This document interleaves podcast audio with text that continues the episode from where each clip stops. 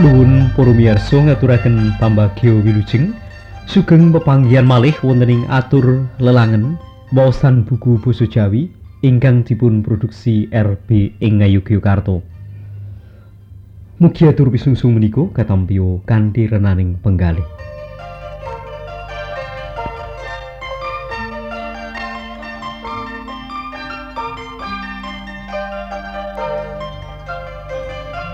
Menggah semangki badhe ngaturaken sambething cariyos kesrimpet jaring sutra anggitanipun Ardini Pangastuti.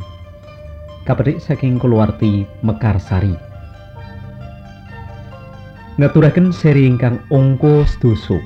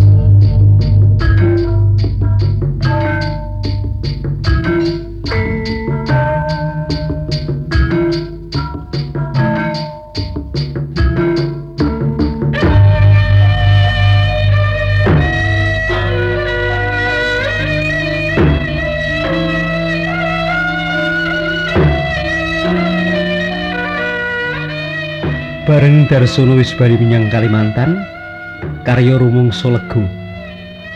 Atine ora panas maneh. Kaya sasuwene iki nalika meruhi patrape Darsono marang Trinil. Panjenengan ngendi saiki? Karya orang ngunangi utawa krungu kabar kang ora becik. Ateges Trinil isih tetep ngugemi kastiani sarta adoh saka tumindak nista. Beda karo apa sing dirasakake karya. Trinil malah rumangsa kelangan ditinggal dokter muda iku. Atine kerep kagodha rasa kangen sing angel dingerteni sebabe. Satemene Trinil trenyuh lan mesake menawa nyawang bojone apa maneh ngelingi nalikane urip susah biyen. Pangurbanane karya sasuwene iki pancen gedhe. Nanging swalike Trinil uga ora kuwawa nolak katresnane Darsana. Senadyan wis nyoba, Trinil tetep ora bisa nglalekake Darsana. Malah mung tansah etung-etung suwene pisah. Ora rinoso wis pitung puluh limo dino ateges sesasi maneh darsono bali mrene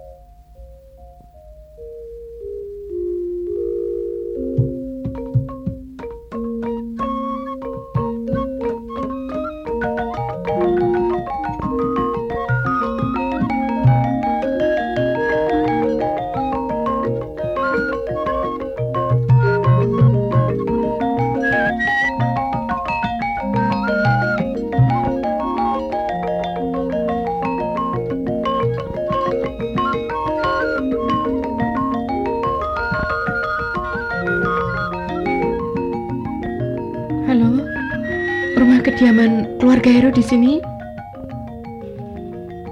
Suarane digawe rada merbawani. Kaya yen Mbak Min nampa telepon kae. Dheweke pancen asring migatekake yen Mbak Min nampa telepon.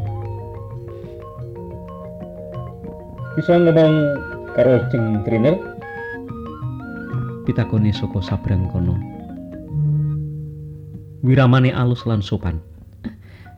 Menika sinten nggih? Oh, iki Jeng Trinil ya. Lah coba bedheknen aku sapa? Hmm? disambung swara guyurnya. Trinil ora pangling karo swara guyu kuwi.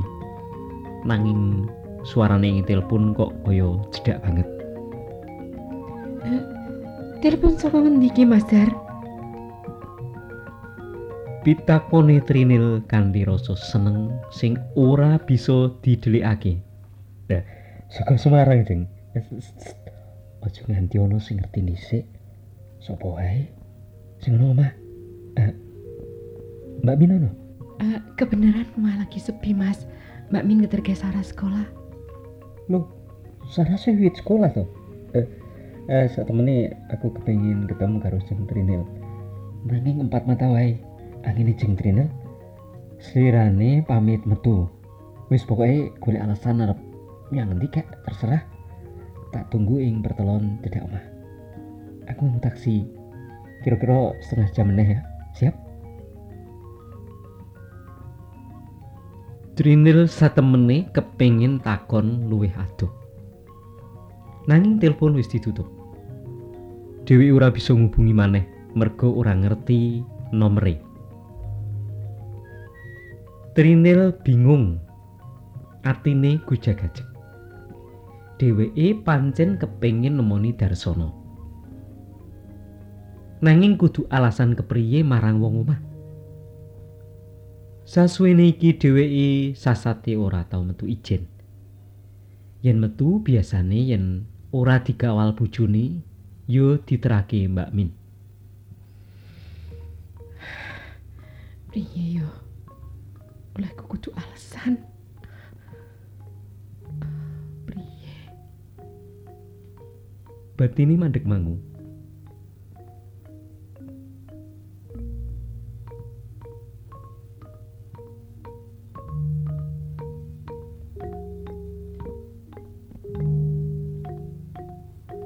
Nanging pungkasane dhewe nekat. Trinil pamitan marang Mbok Sum yen ana keperluan menyang kutha. Baline mbok menawa rada awan. Tujune abdi tuwa iku ora takon luwih adoh. Trinil cepet-cepet lunga tumuju papan kang dikandhakake dening Darsono.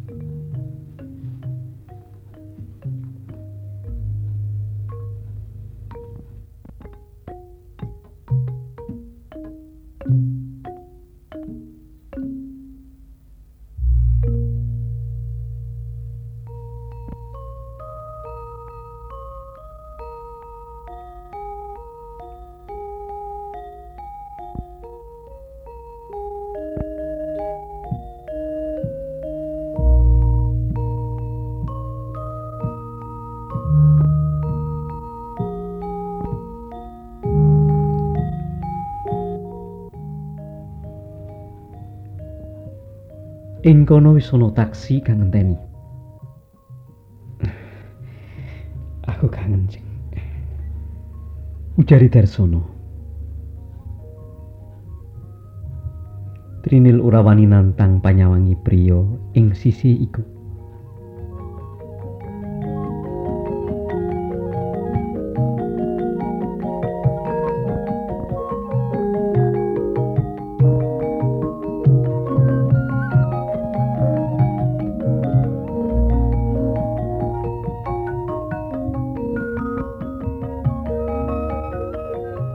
Taksi terus melayu ngener kutha.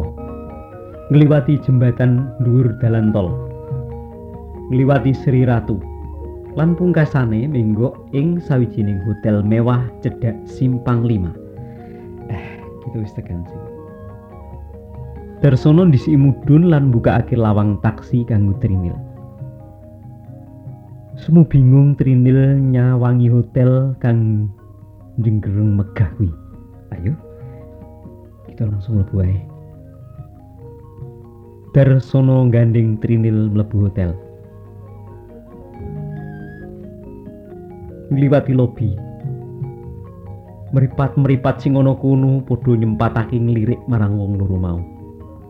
Trinil ndingkluk isin. Dheweke pancen durung tau mlebu hotel. Ora kulino digatekake wong kaya iku. Utamane priya. Suwalike Darsono mung cuek bebek. Ah, biasa wae jeng ora usah grogi. Ayo lihat lift kene wae. Ben cepet. Aku sengaja milih kamar ing tingkat dhuwur. Bisa bebas nyawang ndi Bisike karo nuding pernai lift nganggo mripate.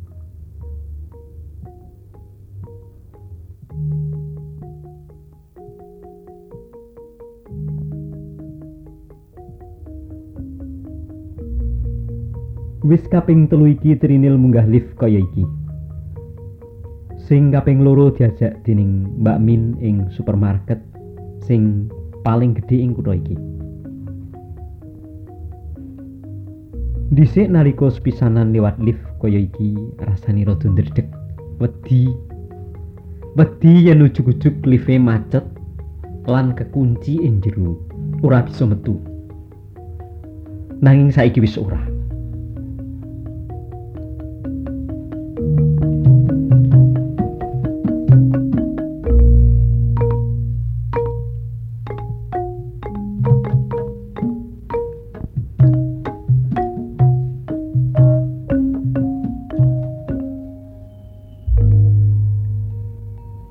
Tingkat pitu lift mandek. Darsono gandeng Trinil metu saka kono. Lift terus mudhun maneh. Silakan Tuan Putri. Aloke Darsono niroaki gayane pelayan hotel ing sinetron. Trinil ora bisa ngampet guyune dulu kekonyolane Darsono. Jebul priya iku bisa nglucu. Trinil jumangkah mlebu ditutaki Darsono. Nanging lagi oleh sesisih sikile wis ditarik meneh. Eh, Gini ojeng. Pitakoni Darsono kaget. Trinil ora wangsulan. Mung mripate nyawangi babut kang nutupi jubin kamar. Babut mau kandel lan indah. Darsono tanggap. Dheweke mesem. Ayo terus mlebu ae. Ora usah dicopot sepatune, ya. Trinil langsung digandeng mlebu.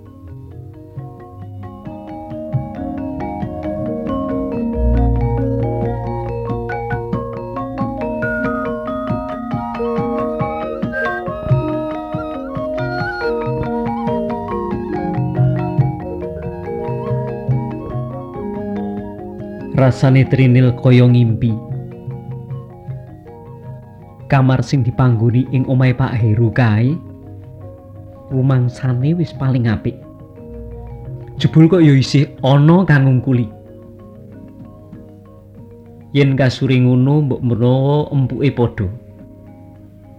Nanging ditutupi nganggo spray kang kandel. Koyo gambar-gambar iklan ing majalah luar negeri duwe Mbak Min. Senajan ora dong karo bahasane, Trinil seneng mbukai majalah luar negeri. Mung dideloki gambari. Eh, yen kepingin nyawang yo sing. Saka kene sesawangane bisa los kok. Darsono buka gorden jendela. Nanging ora sida, ditutup maneh. Ah, Mengko yen kepingin nonton sawangan kuda Semarang. Aku isih kangen cari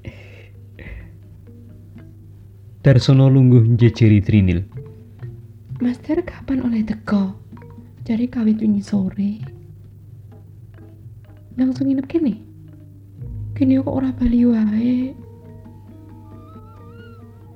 Trinil nyawang Darsono. Lah yen aku langsung bali ra ora bisa ketemu Jeng Trinil kaya iki. Aku kangen banget sih. Aku kepengin kita mau wong loro kaya iki. Bisa cecaketan, bisa omong-omongan tanpa ono kang ganggu utawa memanuki. Jeng Trinil ora kangen po karo Mas Dar.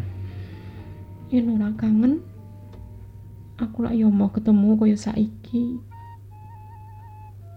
Trinil nyendhekake sirahe ing dadane Darsono.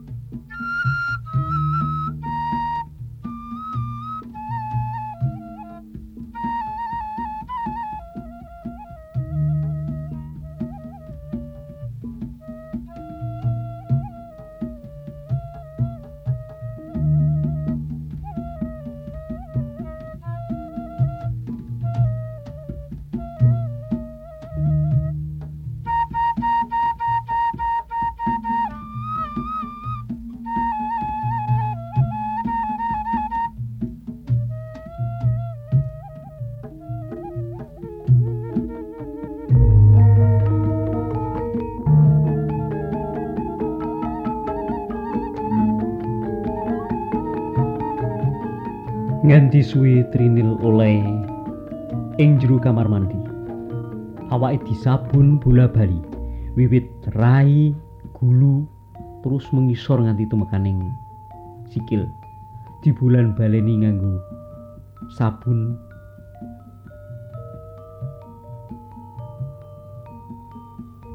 di bulan baleni anggone nyabuni. Oh, meh wae mau kedrawasan. Meh wae Dewi masrahake sak kabeh marang Darsono. Kelembutane priya iku jalari dhewe lali marang sak kabeh sing dirasakake mung kenikmatan lan anane pepinginan kanggo nyawiji. Nanging dumadakan wewayangane bojone teka kumlebat. Voltasene sing wis munggah 220 iku langsung anjlok sanalika. Bleret.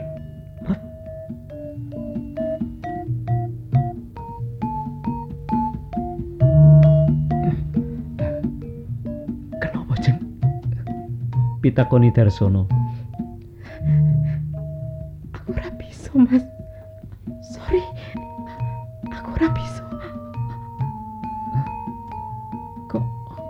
Darsono katon kuciwa nanging ora meksa.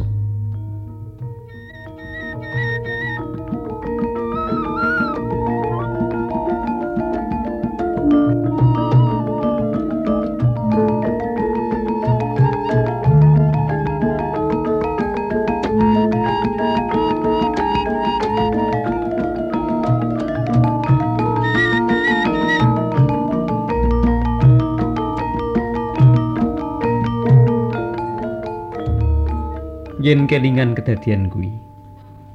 Trinil rasane isin banget. Isin marang Darsono lan uga isin marang awake dhewe. Nanging yen kelingan marang kelembutane Darsono, elusan tangane lan liya-liyane dhewe isih kepingin baleni. Sepisan maneh. Lan sepisan maneh.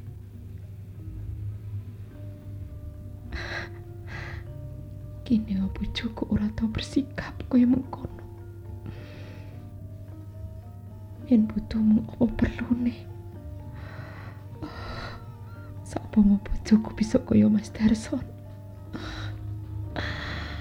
Angen-angeni Trinil nglambrang aduh.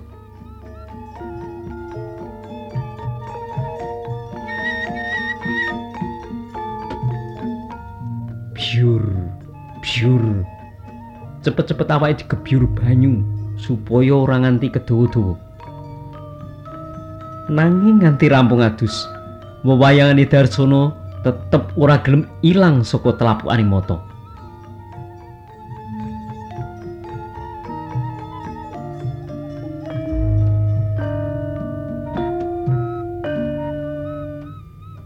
Sesuke Darsono teka ing omah iku. Tekane diangkah pas sepi wong. Sebab saka ceritane Trinil, dheweke ngerti jam-jam yahopo ngomah sepi.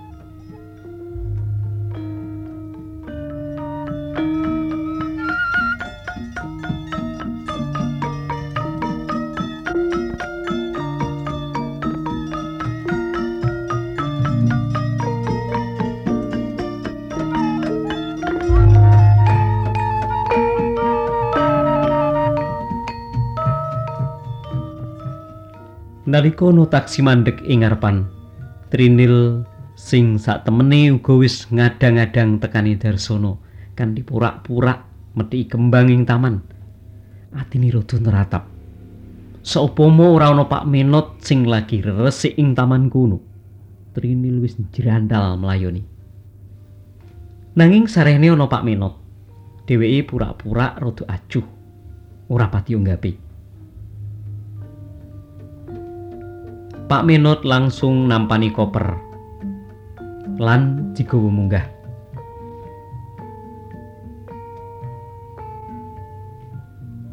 Sugeng, Master. Ah, jam piro budal saka balik papan? Ing sangarepe Pak Menot Trinil kepeksa nyandiwara. Nanging liwat mripate dheweke menehi isyarat marang priya iku. Darsono tanggap yen kuwi mung sandiwara. Yo ora esuk banget kok sing aku suka kono. Nanging gandeng wektu kene karo kono gesih rong jam. Dadi tekan kene yo tetep isih esuk kok. Nah, sepi. Iya, wis padha budal. Mbok sum kaya biasane durung bali saka blonjo. Pak Menot ora ngerti sandiwara iku. Dheweke terus mlaku karo ngotong-ngotong kopere Darsono. Engko tak tututi munggah, Master. Tak gaweake inuman dhisik. Ben ora semata-mata. Bisiki Trinil sawise Pak Menot rada adoh. Darsono mesem lan mantuk, terus gegancangan munggah.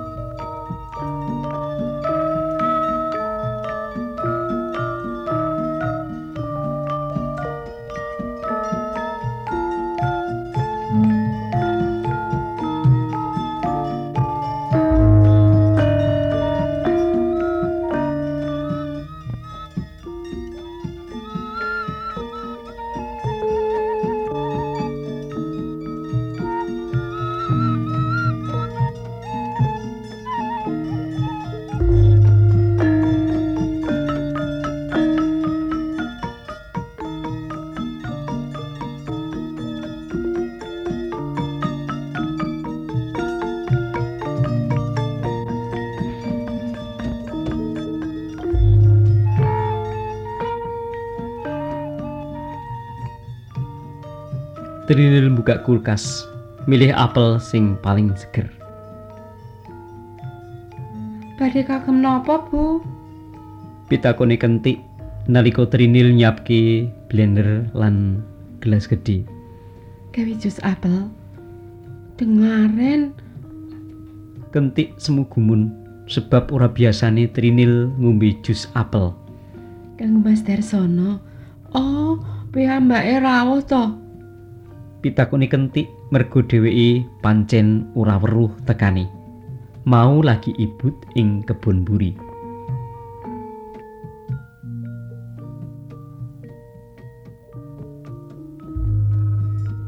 Trinil mantuk. Banjur nrusaki gaweane. Apel sing wis dicacah kuwi dilebokake blender. Sawise lembut banjur disuntak ana gelas gedhi. Tulung ya, Dik. Blender iki diasake, ya. Inggih, Bu. Ujari Trinil sadurunge nggawa gelas munggah. Trinil wis ora ngrewes wangsulane kentik. Dheweke wis bablas munggah.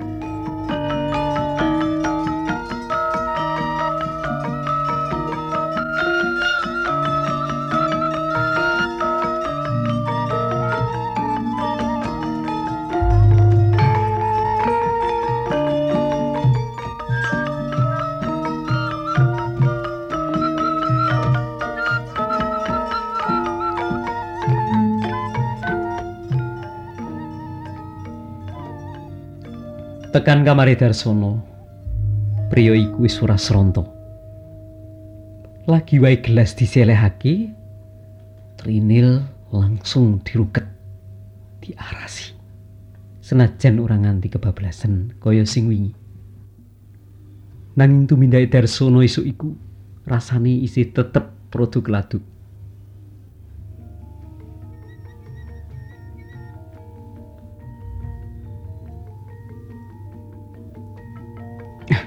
Eh, sorry jeng, aku aku ora sengaja.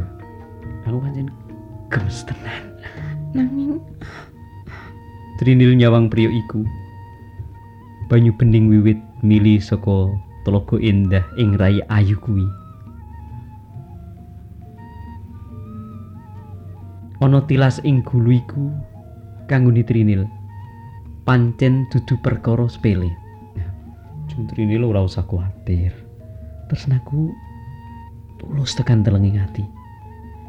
Yen si eh, sisianmu nesu utawa ora trima, aku kan bakal tanggung jawab. Percaya marang aku, Jeng. Mas, aku wedi.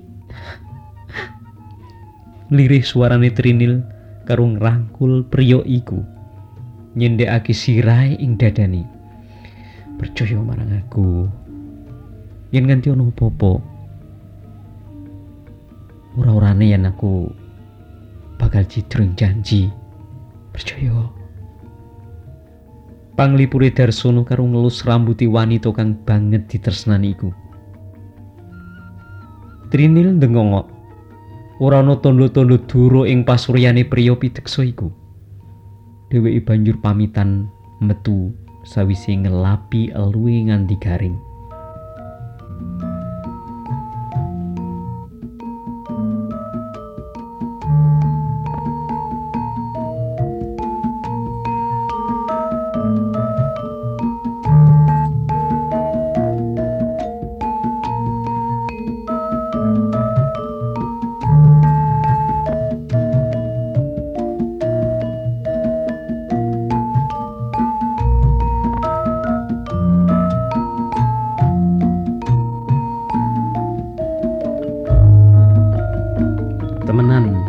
Masalah cupang iku bengine sida dadi gendro.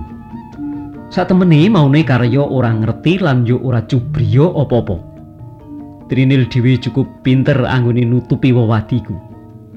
Kanthi nganggo klambi model gulun Shanghai. Mesti wae yo Mbak Min kang menehi klambi iku. Tipak utawa cupang ing gulune ora ketara. Ketutup gulun klambi. Nanging karya sing weruh bojone nyandang seksi. Napsune dadi mubal senajan Trinil wis nulak kanthi alus nanging karya tetep ora gelem ngerti. Lan sak banjure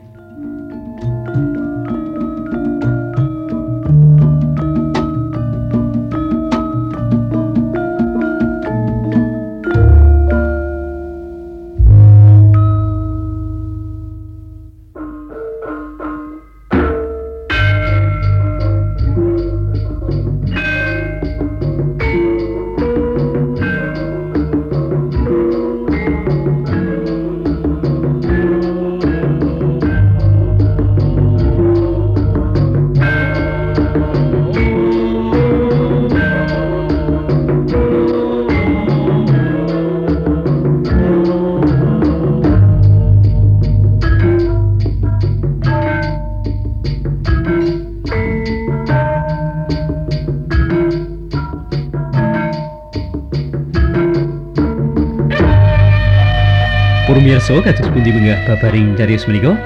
Taksih setunggal seri malih cariyos kesrimpet.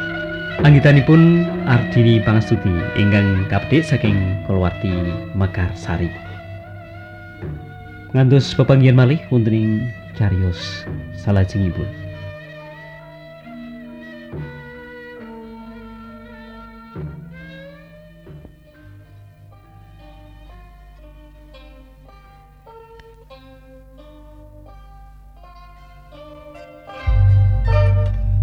cekap semanten atur lelangen wawasan buku basa Jawi ingkang dipun produksi RB ing Ngayogyakarta. Ing wasana mugi rahayu ingkang tansah pinanggih. Nuwun.